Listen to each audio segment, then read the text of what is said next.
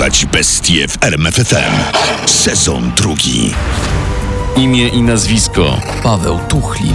Kryptonim milicyjny. Skorpion. Oskarżony o Zabójstwo dziewięciu kobiet i usiłowanie zabójstwa dalszych jedenastu. teren działalności. Głównie Pomorze. Skazany na Karę śmierci przez powieszenie. Wieczór 31 października 1975 roku w gdańskiej dzielnicy Orunia nie należy do najprzyjemniejszych. Wieje przenikliwy wiatr i leje deszcz. 21-letnia Danuta H. przechodzi przez torowisko w okolicach ulicy Junackiej. Idzie szybkim krokiem, jest umówiona na spotkanie w pobliskiej kawiarni. Nie ogląda się za siebie, więc nie widzi ani nie słyszy, że za nią, w pewnej odległości, od dłuższego czasu podąża jakiś mężczyzna. W pewnym momencie zrównuje się krokiem z kobietą i łapie ją za ramię. Stój! Będziemy się pieścić. Przez ulewny deszcz Danuta H. nie rozumie, co powiedział mężczyzna. Słucham pana? Y, Pytam, czy ma pani zapałki. Oj, niestety nie. Napastnik wyciąga z zapaska spodni młotek, którym kilkakrotnie uderza kobietę w głowę, po czym zaciąga ją w pobliskie krzaki. Danuta H. leży bez ruchu. Mężczyzna szybko i energicznie ściąga z niej ubranie, gdy nagle zauważa brak młotka. Wyskakuje na ścieżkę, żeby go znaleźć i wpada prosto na inną kobietę nadchodzącą od strony torów kolejowych. To kierowniczka pobliskiego sklepu mięsnego, do uszu której dochodzi dziwne harczenie. Słyszy pan? To jakby ktoś jęczał w krzakach. Tak, tam leży zakrwawiona kobieta. Niech pani z nią zaczeka, a ja pobiegnę zadzwonić po pogotowie. Mężczyzna szybkim krokiem oddala się i już nie wraca. Kierowniczka sklepu sama dzwoni po karetkę. Danutę H. ostatecznie udaje się uratować, choć lekarze początkowo nie dają jej zbyt dużych szans na przeżycie. Wielokrotne silne uderzenia młotkiem powodują złamanie czaszki na skroni, czole i z tyłu głowy. Kobieta na długi czas traci też mowę.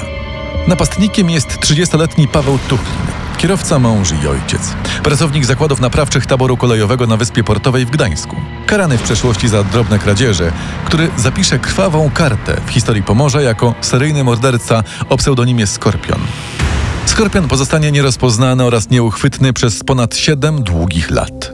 Tymczasem po dwóch miesiącach od napadu na Danutę H. Tuchlin atakuje ponownie. Tym razem jego ofiarą jest 26-letnia pielęgniarka Mirosława D., którą śledzi w parku w gdańskiej Oruni.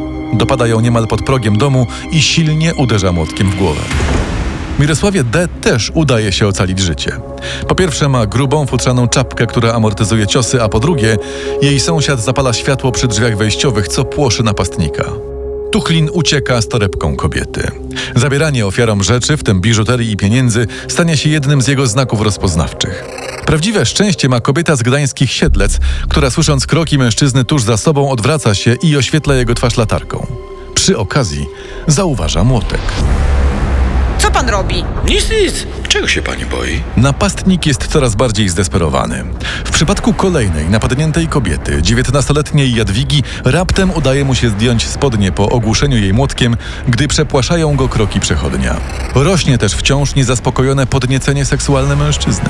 Co prawda w domu czeka na niego żona, ale po pierwsze nie lubi miłości francuskiej, którą on uwielbia, a po drugie najlepiej jest pieścić kobietę, gdy ta się nie rusza.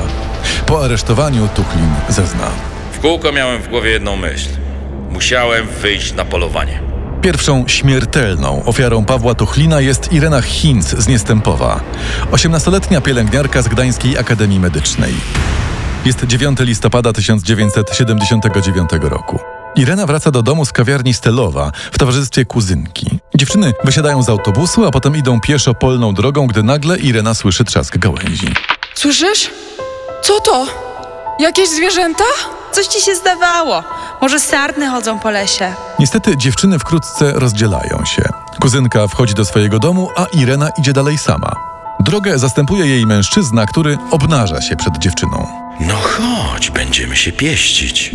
Wystraszona dziewczyna nie odpowiada, ale też i napastnik nie czeka na odpowiedź. Wyciąga młotek i zadaje jej śmiertelne w skutkach ciosy w głowę. Następnie wlecze ją do pobliskiego rowu i obnaża. Dotyka jej narządów płciowych i onanizuje się. Na tym poprzestaje. Tuchlin nigdy nie zgwałci żadnej ze swoich ofiar. W końcu porzuca ciało kobiety. Wracając musi przejść przez rzekę, do której przypadkowo upuszcza młotek. Nie może go znaleźć. Młotek będzie podstawowym narzędziem zbrodni Pawła Tuchlina. On sam zezna po latach. Zacząłem te kobiety ogłuszać młotkiem, żeby się móc z nimi pieścić. Tak samo jak świnie się ogłusza. One się potem już nie ruszają, nie uciekają. Następnego dnia rano, po zabójstwie Ireny, zwłoki dziewczyny odnajduje jeden z mieszkańców pobliskiego Leźna, który jedzie furmanką do zlewni mleka w Następowie. Co to jest? Prr! Jezus Maria! Milicja! Na miejsce przyjeżdża ekipa operacyjna i prokurator. Tuż przy brzegu rzeki Raduni śledczy znajdują 1,5 kilogramowy młotek owinięty bandażem. Ekspertyza wykaże, że są na nim ślady krwi. Na karcie oględzin zwłok ofiary z Niestępowa technik kryminalistyczny napisze. Między trzonkiem a obuchem wytłoczony jest na metalu wgłębiony prostokąt. W zagłębieniu znajduje się czarna substancja. Po usunięciu wspomnianej substancji stwierdzono, że w prostokącie wytłoczone są wgłębione litery ZNTK, czyli y, Zakład Naprawy Taboru Kolejowego. Wydaje się, że nie ma nic prostszego niż znaleźć mordercę, który niemal podpisał się pod zbrodniczym dziełem. Tak się jednak nie dzieje. Choć śledczy sprawdzają, kto z pracowników ZNTK pobrał w ostatnim czasie taki młotek, Tuchlina, prawdopodobnie przez przeoczenie osoby zajmującej się ewidencją, nie ma na liście. Morderca może więc dalej bezkarnie zajmować się swoim procederem. Lista jego ofiar rośnie.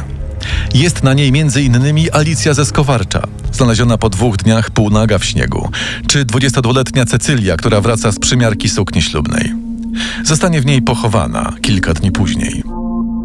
Po zabójstwie dziewczyny Tuchlin wyciąga z jej siatki na zakupy bułki, wędlinę, śliwki i ciastka katarzynki, które ze spokojem zjada, kontemplując swoje dzieło. Ginie także 22-letnia Grażyna, pracownica domu opieki, która właśnie zamierza odwiedzić rodziców w kamionce koło Malborka. Tuchlin zaczepia ją po drodze. Ale dziś zimno, co? No, ciepło nie jest. Jednak nie za zimno, żeby się popieścić. Po tym morderstwie milicja musi w końcu przyznać, że ma problem. A jest nim seryjny morderca kobiet, grasujący głównie na Pomorzu. Niewiele o nim wiadomo, poza tym, że ma młotek i nosi charakterystyczną czapkę. Władze decydują się zamieścić komunikat w Dzienniku Bałtyckim. Komunikat Milicji Obywatelskiej. W dniu 21 listopada 1980 roku w przydrożnym rowie na trasie Malbork-Nowy Staw znaleziono zwłoki 22-letniej Grażyny S. Uprasza się wszystkie osoby, które znały bądź w okresie od 18 bieżącego miesiąca widziały Grażynę S o niezwłoczne skontaktowanie się z Komendą Wojewódzką Milicji Obywatelskiej w Elblągu na ulicy Armii Czerwonej. Tuchlin zabija jeszcze kilka kobiet, w tym z niezwykłą brutalnością Bożenę ze Skaryszew, nim 6 stycznia 1983 roku w Komendzie Wojewódzkiej w Gdańsku zostaje powołana specjalna grupa pod kryptonimem Skorpion, składająca się z 11 osób. Ma ona na celu identyfikację i schwytanie sprawcy. Czemu Skorpion?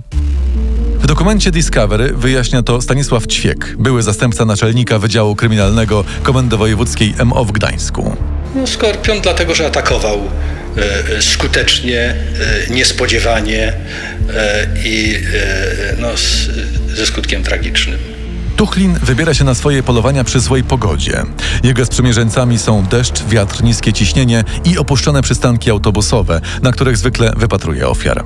W pewnym momencie zmienia nieco modus operandi, rozjeżdżając kobiety zdezelowanym żukiem. Wydaje się coraz bardziej bezkarny i nonszalancki, dopuszczając się nie tylko morderstw, ale i kradzieży, za które będzie miał sprawy w sądzie. I ta nonszalancja w końcu go gubi. 25 maja 1983 roku sierżant Krystyna Ciołek z sekcji ewidencji i poszukiwań Wydziału Kryminalnego przegląda meldunki z województwa i zaczyna łączyć fakty. Tuchlin Paweł, lat 37.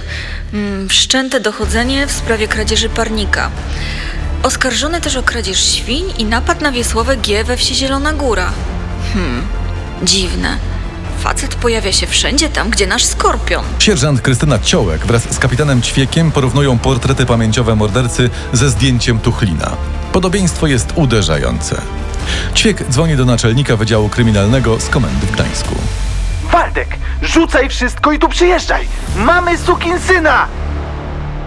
31 maja 1983 roku Paweł Tuchlin zostaje aresztowany pod pretekstem kradzieży parnika. Wkrótce przyznaje się do wszystkich morderstw. Zeznaje chętnie w zamian za obietnicę ostatniego pożegnania z synkiem. Wizje lokalne tak go podniecają, że śledczy boją się dać mu młotek do ręki. W zamian za to dzierży jego styropianową atrapę.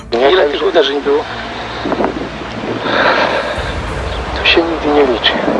To jest ręka sama chora. 5 sierpnia 1985 roku zapada wyrok. Odczytanie aktu oskarżenia zajmuje prokuratorowi kilka godzin. Tuchlinowi zostaje postawionych ponad 40 zarzutów. Sąd skazuje go na karę śmierci. Jest to kara eliminacyjna, której społeczeństwo ma prawo w tym przypadku się domagać. Podstawowym celem kary jest jej oddziaływanie wychowawcze. Istnieją jednak sytuacje, gdy w imię dobra społeczeństwa należy zrezygnować z niektórych zasad. Paweł Tuchlin, pseudonim Skorpion, zostaje powieszony 25 maja 1987 roku w gdańskim więzieniu. Jest to przedostatnia kara śmierci wykonana w powojennej Polsce. Jeden z obrońców Tuchlina, powołując się na wiarygodne źródło, twierdzi, że przed zamknięciem trumny grabarze oddają na nią mocz. Poznaj sekrety największych zbrodniarzy świata. Dorwać bestie w RMFFM.